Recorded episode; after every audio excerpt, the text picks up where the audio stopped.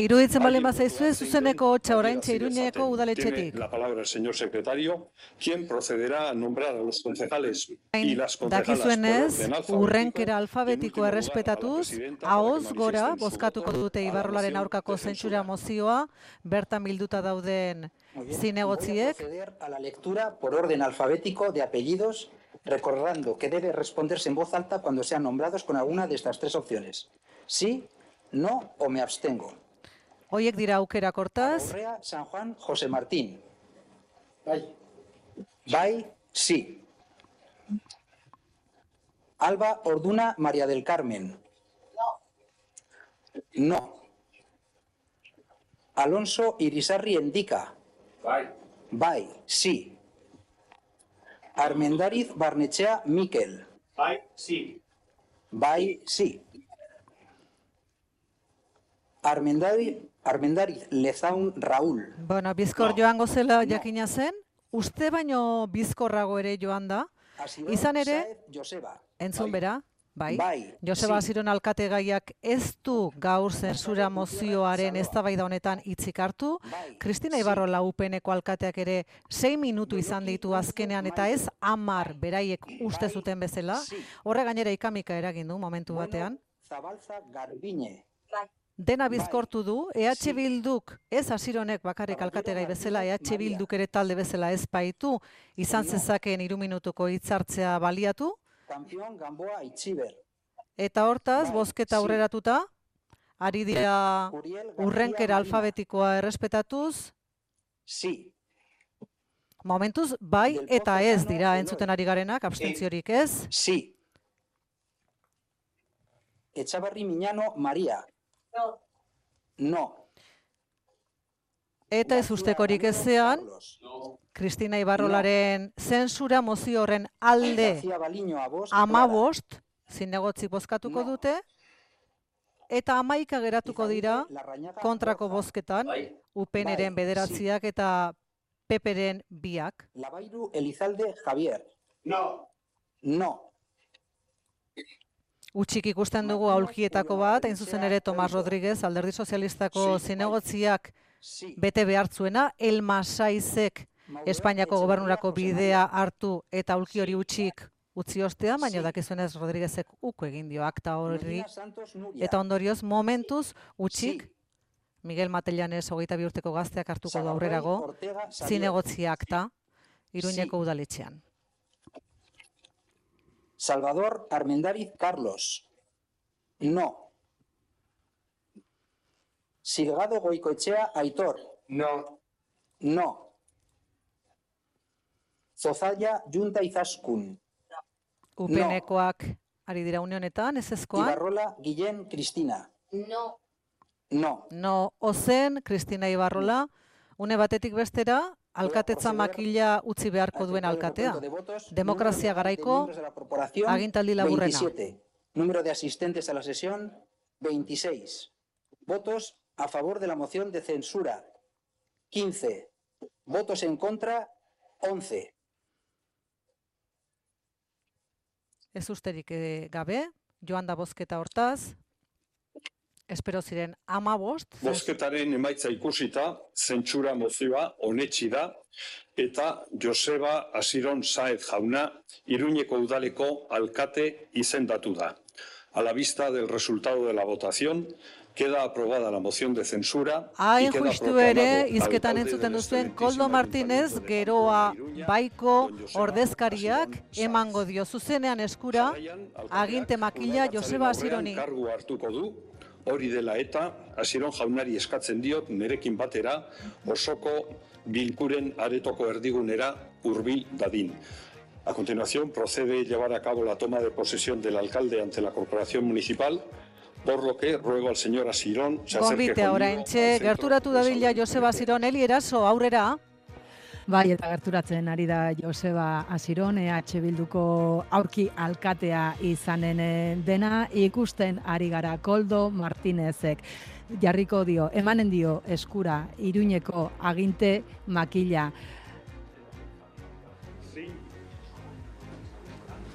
Entzuten ari zarete, zina karguari zina egin beharko dio. Edo hitza eman beharko duzu, osoko bilkuraren aurrean, apirilaren... Ba, zuzen zuzenean Euskadi irratian, oraintxe Iruñeko udaletxean gertatzen ari dena. Laro eta sei legegintzako errege Ea nola- dekretuaren emezortzigarren artikuluan sedatutakoarekin bat. Previamente a la toma de Ea nola posesión, egiten duen. Zi? Bai, maite, deigarria egiten zaigu, deigarria egiten zaigu aurpegi serioa ikusten diogula, bisaia serioa ikusten diogula hasieron, noi? 81 barra 1986 de 18 de abril. Hitz ematen dut fideltasunez beteko ditudala Iruñeko alkatetzaren karguak dakartzan bete beharrak eta udal honen arauak beteko ditudala eta bete araziko ditudala. Prometo cumplir fielmente las obligaciones del Hitzeman cargo de kargua alcalde Joseba Asironek, orain Koldo Martinezek honor aginte makila eman aurretiken jarriko dio eta jarri dio. Jada iriko agintariaren lepokoa eta orain une honetan eman dio makila besarkada estua Koldo Martinez geroa baiko kidearen. Eta Joseba Asiron orain bai EH Bilduko Iruñeko alkate berriaren artean. Txaloak entzun ditugu, Txaloak eta aurpegi oso serioak upeneko zinegotzien artean, Eli. Bai, izan ere tentsioa nabaritu da pleno honetan, azken bi aste otan eh, bezala, ikamikarako tartea ere izan da, ba, Koldo Martinezek erabaki duenean, eh, maiko, adineko maiko presidente, Presidente izaki, hoi da, ba, sei minutuko tartea, emanen eh, ziela bai asironi eta baita ibarrolari hitz hartzeko, eta upenekoak aserre bizian ikusi ditugu, amar minutu nahi zituzten aurretik, pleno hasi aurretik, horrela omen zegoen eta iragarria. Ez zaude Asironek segundu uko- bat, Eli. Eli, zaude segundu bat, Bai. atzetik entzuten ditugu eta udaletxe plaza atarian dagoeneko oiuak patxirigoien prest, Bai, alaxe da, plaza beteta dagoenez, hemen eh, gainentzen eh, ari direna dira, asironen aldeko oiuak, asironen aldeko babesa gainentzen ari da, UPN kanpora edota Ibarrola kanpora ere entzun ditugu azken eh, minutuetan, eta duela zortzi urte gertatu zen gizan, UPNeri agur esan diote abestuz. Entzun dezagun.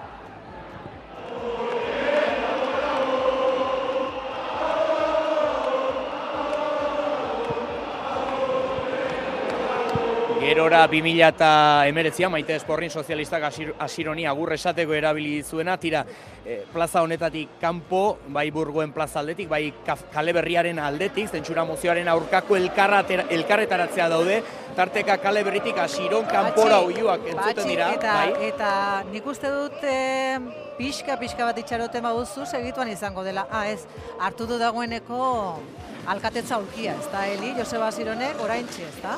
Eta oraintxe ja alkate bezala hartu du eh, hitza, entzunen dugu, Asironek la, la sesión, quiero expresar ya como alcalde mi saludo a toda la corporación, por supuesto, y mi agradecimiento de manera muy especial Lehenik a eta behin, agurra udal batza osoari eta esker honeko hitzak talde aurrerakoiei bere alkatetza Aunitz, ahalbidetu eh, duten. EH Y Bildu geroa bai, reiterando mi compromiso PSN eta zurekin. personal con tres de los grandes eh, Zina euskaraz egin du, orain alkate bezala lehenengo hitzak gazteleraz egiten ari da. EH Bilduko Joseba el compromiso con la búsqueda de consensos konsensuaren bila, ez da, lan que egingo duela ginduz. En segundo lugar, el compromiso por el respeto por el que piensa de manera diferente y finalmente Eta el konpromisoa compromiso por la beti esan izan duen bezala, elkarbizitzarekin, bizikidetzarekin, konpromisoa anistasunetik eh, eta sino que ezberdinen ganako forma especialmente errespetutik. Horiek izanen dira, Iruñeko udaleko alkate berriaren eta udal gobernuaren bide horria. ahalbidetuko duelako azken finean hiriaren aurrera bidea, elkarbizitza, anistasuna eta justizia soziala. Eta hauek guztion gu- guztion helburu behinenak izan beharko lirateke. Nire aldetik, deus eh, gehiago ez, mm, desear a todos y a todas un feliz año urte berrian. Izan ere, urte berria atarian da, baina gaurre iruinean ez balitz behintzat eguberritako apaingarriengatik eta egiten duen hotzagatik, nekez somatuko genukeen gaur eguberri betean gaudenik, gehiago dirudi, ba, taupada politiko oso biziko hiri bat. Gaur goizean, oraintxe altxatzen ari dira zinegotziak udalbatza horretatik, oraintxe aterako da hortaz balkoira pentsatzen dugu Joseba Asiron, bitartean Aitor Perez zurekin batekin nahi dugu, izan ere hitza hartu du Kristina Ibarrolak zensura mozioa bozkatu aurretik, esateko bereziki salatzeko Sánchezen gobernuak EH Bilduren esku etaren oinordekoei utzi diela Iruña. Hori dela, Iruña izan dela, ordaindu beharreko prezioa Aitor Perez aurrera. Hori da bai, eh, azken astentan defendatu duen tesi bera, erabili du hemen hitzak bai, baina aurpegiak begira da kupeneren aurkietatik, peseneren zinegotzien ganako begira da horiek ere tentsio ondikoak oso serio eta etengabekoak izan dira pleno osoan zehar. Une honetan, atera dira ere serio-serio UPNeko zinegotziak eta ikus dezakegu orain aginte makila eskuetan duela Joseba Siron harrera gelara doala bertan gonbidatuak daude eta bertan eta hortik aterako da Balkoira, zenioten, e, Kristina Ibarrolak e, hitz gogorrak erabili ditu bereziki alderdi sozialista eta Pedro Sánchezen kontra entzun dezagun. Me duele en el corazón el manoseo del Partido Socialista con Pamplona. Y esto estaba escrito matarnos Iruña saldu egin duela berriz ere errepikatu du bere hitzaldian. Hitzaldi luzea izan da izan ere tentsioa aipatu zuen bezala lehenago hasiera hasieratik izan dugu izan ere Bakoldo Martinezek uste baino denbora gutxiago e, utzi baitie bozera mailei baina esandakoa e, UPN PSNren kontra Marina Curiel PSNren bozera maileak ba, argi eta garbi utzi du zergatik babestu duten Joseba Siron aginte makila o alkatetzara itzuli duen zentsura mozio hau. Baune batetik bestera aterako da, Joseba Siron, Iruñeko alkatea, bigarren agintaldi horren lehen minutuak dira, aterako da udaletxe balkoira, bertan zai ditu dozenaka jarraitzaile, momentuz ez dugu tentsiorik, apartekorik eh, sentitzen, baina aurrez, Xikerrensnal, konta dezagun zeintzu diren eguneko beste lerroburuak. Izan ere, Iruñaz gain e, Usan Solo ere albiste dugu, jada Bizkaiko eun eta amairugarren udalerria baita. Izendapena tokiko entitaten erroldara eraman du Espainiako gobernuak eta Usan Solok lortu du ia lau amarkadako borrokaren ostean galdakaotik bereiztea. Iruñan ez bezala, Usan Solon postasuna erabatekoa da herritarren artean. Un importantea. Posik. Un eh, oso oso berezia. Hainbeste urte itxaroten eh, egon gara egun hau aberre no se helduko den eta bueno, ba, ba oso posik, oso, oso posik. Berrogei urtean bizirik mantendu duen desanezio prozesu hori herritarrak izan direla eta hori dire omentzekoak gora usansolo eta gora usansoltako herritarrak. Bestalde auto elektrikoak erosteko laguntzak eskatzeko EPA zazpi hilabete luzatzea erabaki du Eusko Jaurlaritzak datorren uztailaren hogeita amaikara arte. Laguntzak motorizazio elektrikoko ibilgailuak, hibrido entxufagarriak eta erregai pilakoak erosteko dira eta baita karga puntu berriak instalatzeko ere. Ibilgailu elektrikoa erosten duten partikularrek edo autonomoek lau mila eta bosteun euroko laguntza jasoko dute eta zazpi mila eurorainoko ere izan daiteke laguntza hori kotxe zaharra txatarrara botaz gero. Bestalde Bilboko udalbatzak iriko erdigunea emisio gutxiko eremu izendatu eta ibilgailu kutsakorrenei sarbidea mugatzeko lehenbiziko ordenantza onartu du, abando, indautxu, abando ibarra eta zabalgune hartuko ditu eremu horrek eta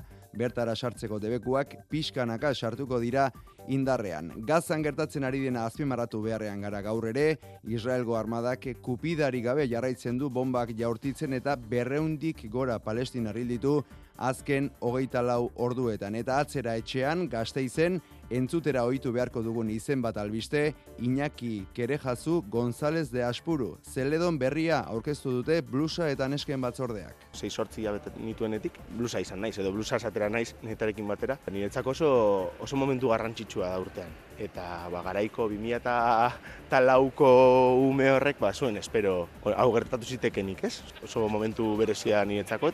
Kiroletan berriz peio etxeberria pilotaria uneotan ari da jokatzeko moduan izango den ala ez proba egiten, gaur jokatuko duena bestalde Baskonia izango da Euroligan iluntzeko zortzi terrietan Milanon eta kulturan Gabon garaiko urteroko kontzertuak prest ditu egok Euskal Herriko Gazte Orkestrak etzi tolosako leidorren eta datorren astean, aste artean Donostiako Victoria Eugenian, asteazkenean Gasteizko Printzipal Antzokian eta ostegunean Bilboko Euskaldunan arituko da. Errepidetara begiratuta aparteko eragozpenik ez ordu honetan, segurtasun sailak berri eman digunez, eta eguraldiari dagokionez, jaione munarriz Euskalmet, Arratsaldeon.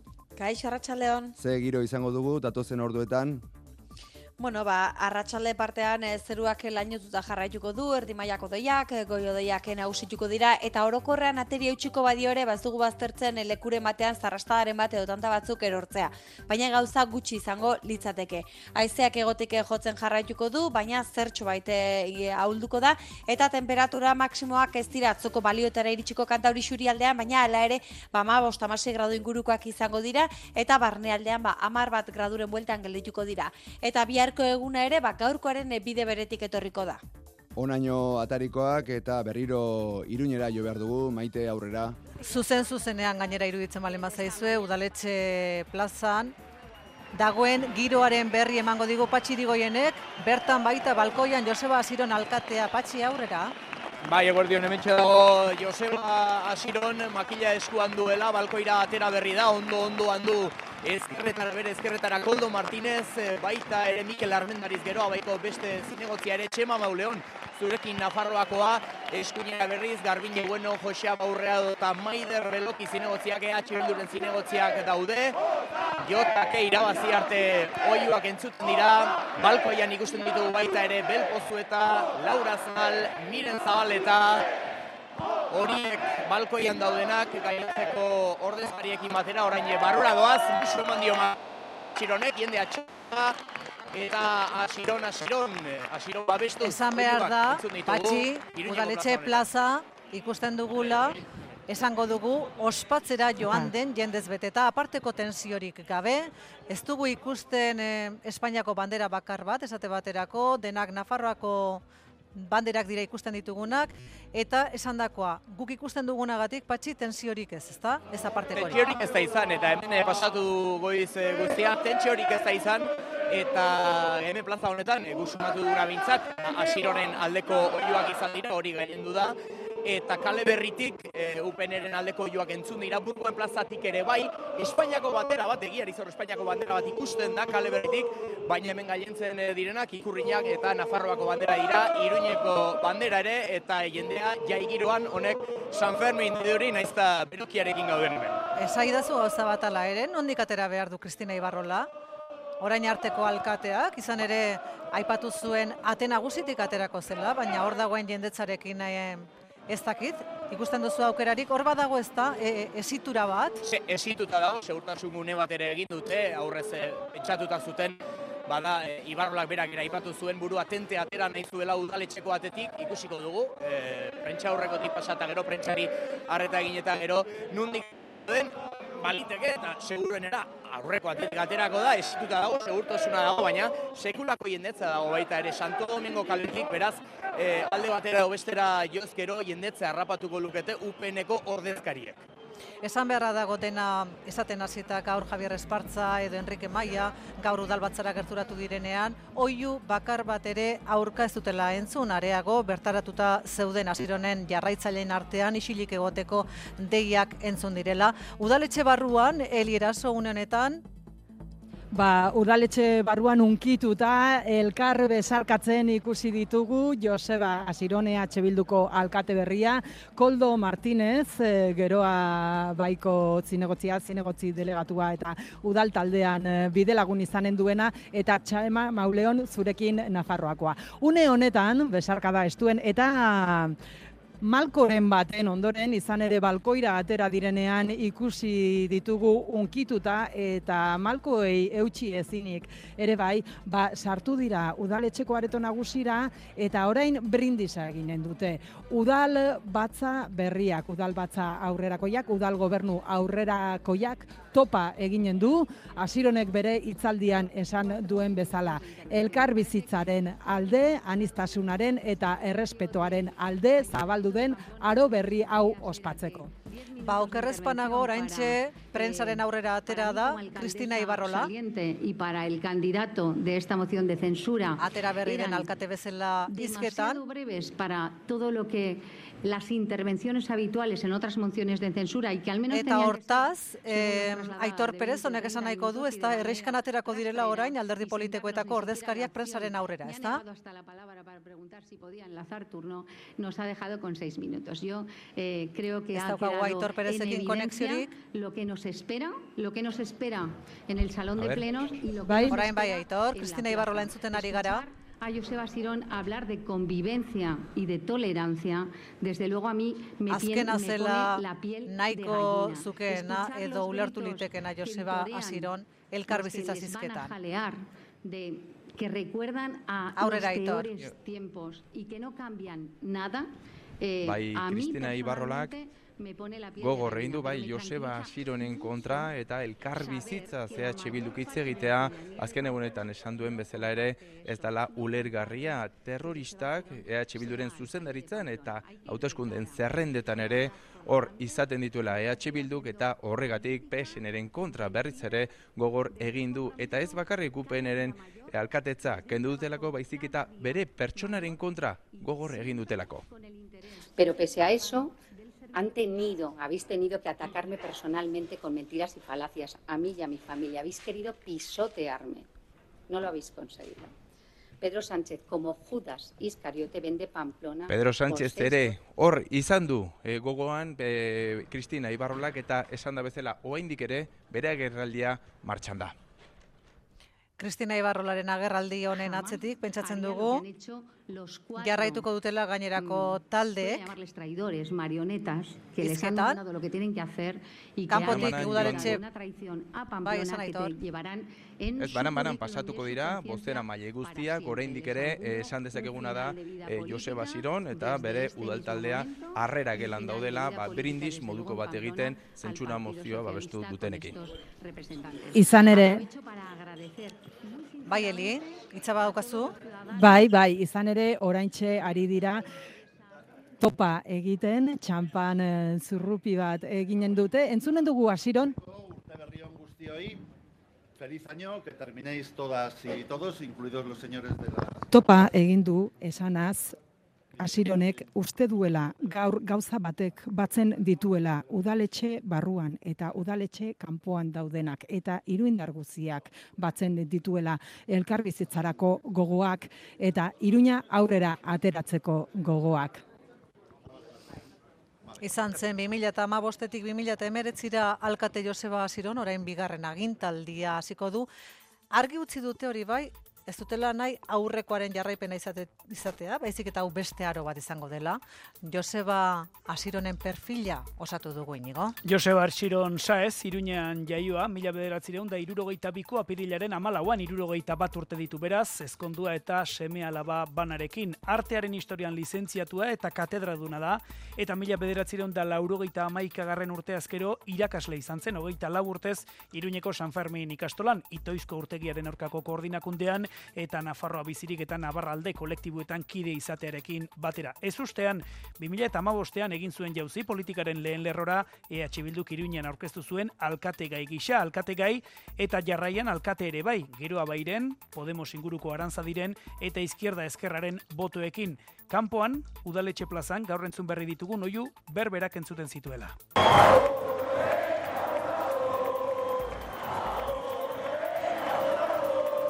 Eusko Alkartasunaren inguruan ibilitakoa eta haren eta indarkeria ororen aurka egindakoa manifestua ere sinatu zuen mila bederatzireun da laurogeita emezortzian asironek UPNeko Tomas Caballero zinegotziaren hilketa gaitzesteko Euskal Kulturako beste eunda hogeita mairu ordezkarirekin batera.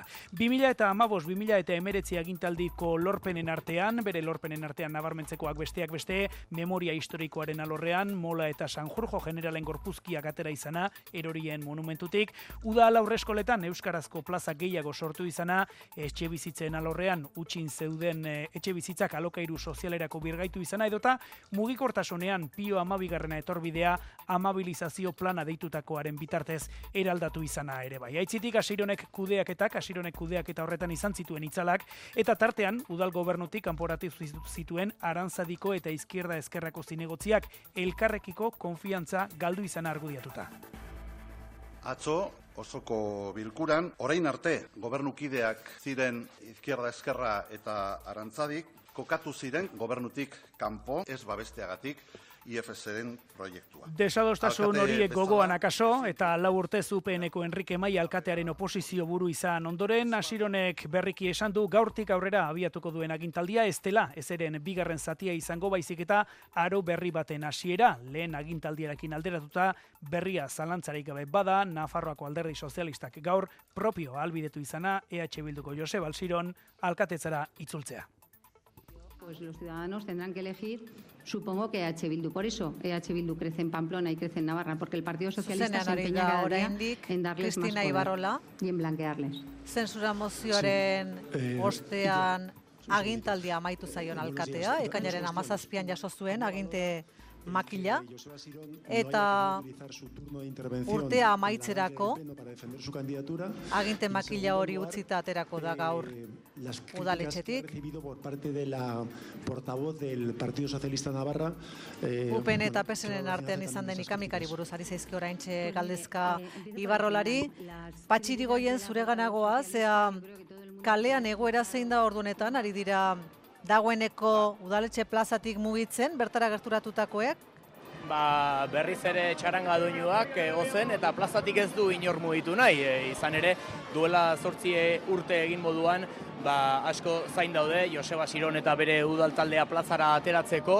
E, egiari zor, e, egon da tentsio uneren bat edo beste, plazako jendea, e, UPN babestera etorri den jendeari, ba, besoarekin agur esaten ziotenean, baina ez da aparteko ezer e, gertatu, eta plaza mukuru betea dago, oraindik ere plaza mukuru betea, eta izan dugu, e, batzurekin, ona gerturatu direnekin hitz egiteko tartea, ez dakit adierazpen horiek entzuteko badugun aukerarik, Oso pozik eta ospatzeko iruñetik aurrera eta mendikan aurrera ikusiko dugun zurazki gauza asko berriak eta onera, guztion onerako izango direnak. Egun ilusionagarria gaur iruñaren txat, maiatzean eman behar zen egun hori, agian, ez? Baina, bueno, e, hilabete batzuk beranduago ematen da, baina hala ere oso ilusionagarria da. Jende asko daukagu gogoan gaurko egunean ere bai, eta unkitzen gara. E, maiatzean posibletzenak gaur egikaritu da, ordutik egoera politikoa edo panorama politikoa asko aldatu da, e, oro har iruñean eta tira hemen e, gehien gailentzen den oioa entzungu du baita ere UPN kanpora.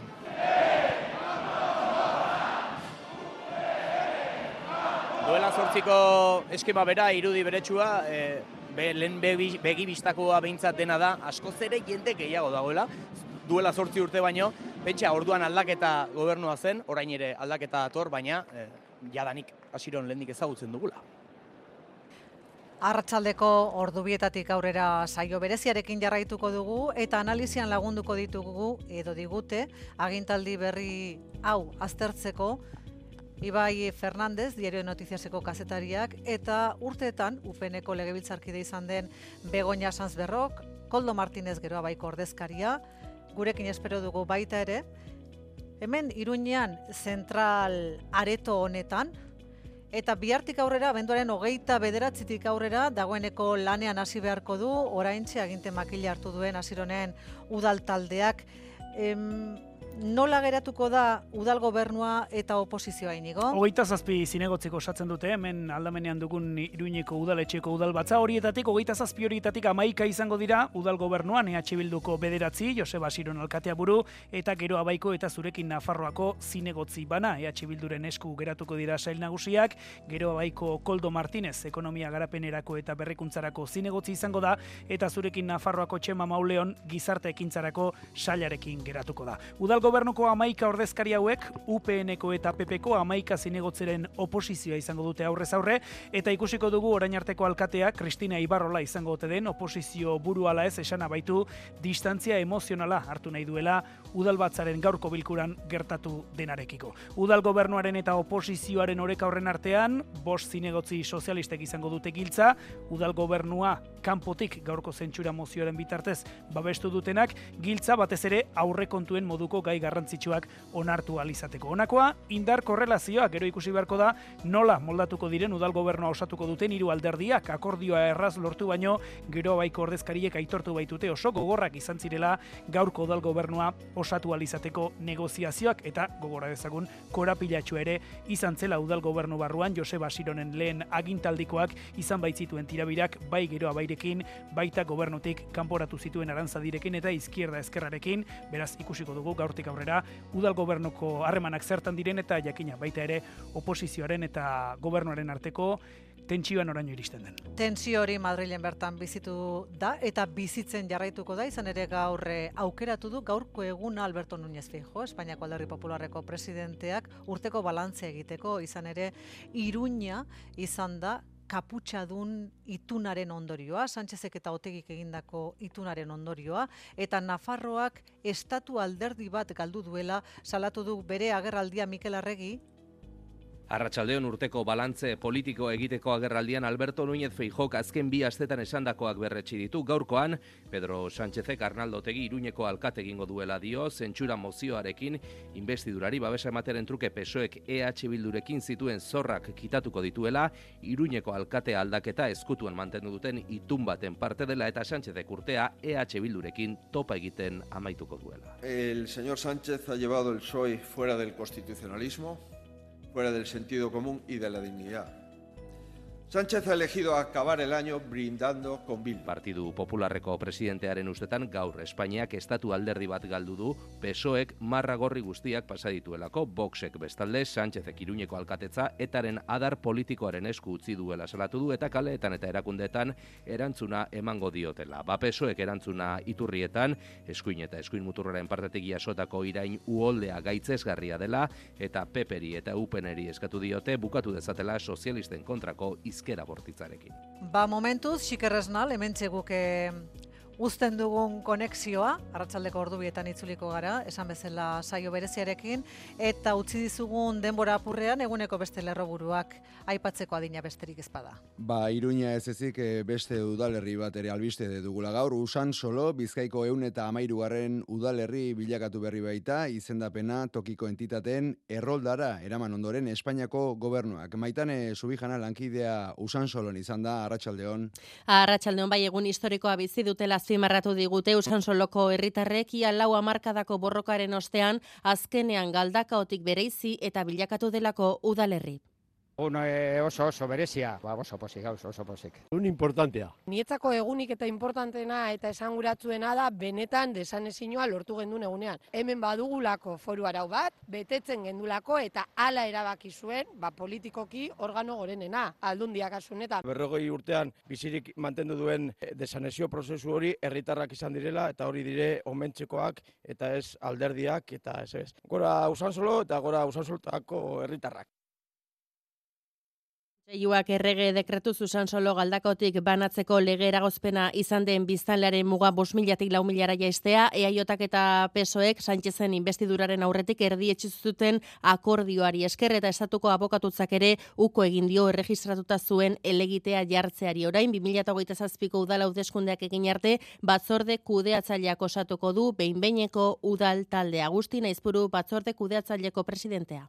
Hemendik aurrera beste momentu baten hasiko gara, esperantzaz lanean. Herribet izatea kompetentzi guztiak az. Usasloko gestora hasiko dara ja lanean, udaletxe egiten eta nahi dugun e, udalerria erakiteko Bizkaiko foru aldunditik Elisabete Etxanobe aldun nagusiak pozik egoteko eguna dela azpimarratu du eta jakinarazi jarraipen batzorde bat sortuko dela eman beharreko urrengo urratsak ikuskatzeko gestorak gaur arratsaldeko zazpietatik aurrera deitu du plazan ospakizun ekitaldia. Gaizera bat aldatuta auto elektrikoak erosteko laguntzak eskatzeko epea luzatu egin du Eusko Jaurlaritzak horren bestez datorren urteko uztailaren hogeita amaikar arte egongo da aukera Mobes iru planean jasotako laguntzak eskatzeko. Laguntzak motorizazio elektrikoko ibilgailuak, hibrido entxufagarriak eta erregai pilakoak erosteko dira eta baita karga puntu berriak instalatzeko ere. Ibilgailu elektrikoa erosten duten partikularrek edo autonomek lau mila eta bosteun euroko laguntza jasoko dute eta zazpi mila eurorainokoa ere izan daiteke laguntza hori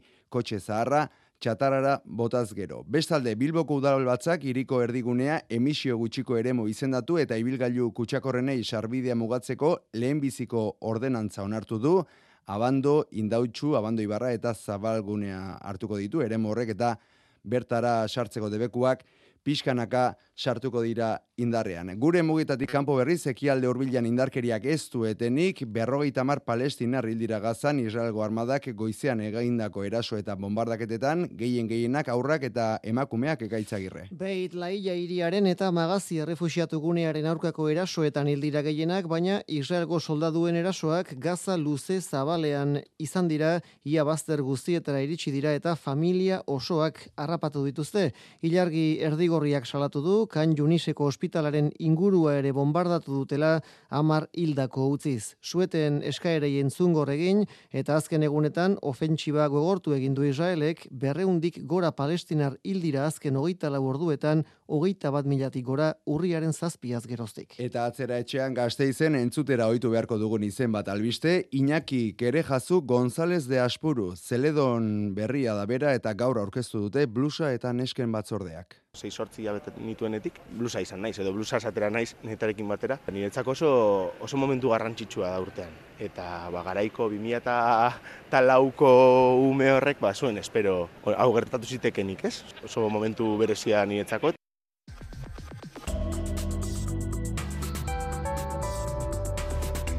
Euskadi irratian, eguraldia eta trafikoa. Errepietan ez dago aparteko eragozpenik, segurtasun sailean berri eman digutenez, eta hause jaione munarrizek euskalmeten datozen orduetarako egin digun iragarpena. Zeruak lainotuta jarraituko du arratsaldean erdimaiako deiak eta goi odeiak nagusituko dira eta orokorrean ateri eutxiko badio ere babalitiko deitza horrek modusuak abanatuan bat antaren bat uztea. Haizeak egotik jotzen jarraituko du, baina indar gutxia horekin ibiliko da eta termometroak bamabost tamasei graduren buelta mugituko dire par partean arratsaldeko lehen orduetan eta barnealdean amar gradu ingurukoak izango dira maksimoak.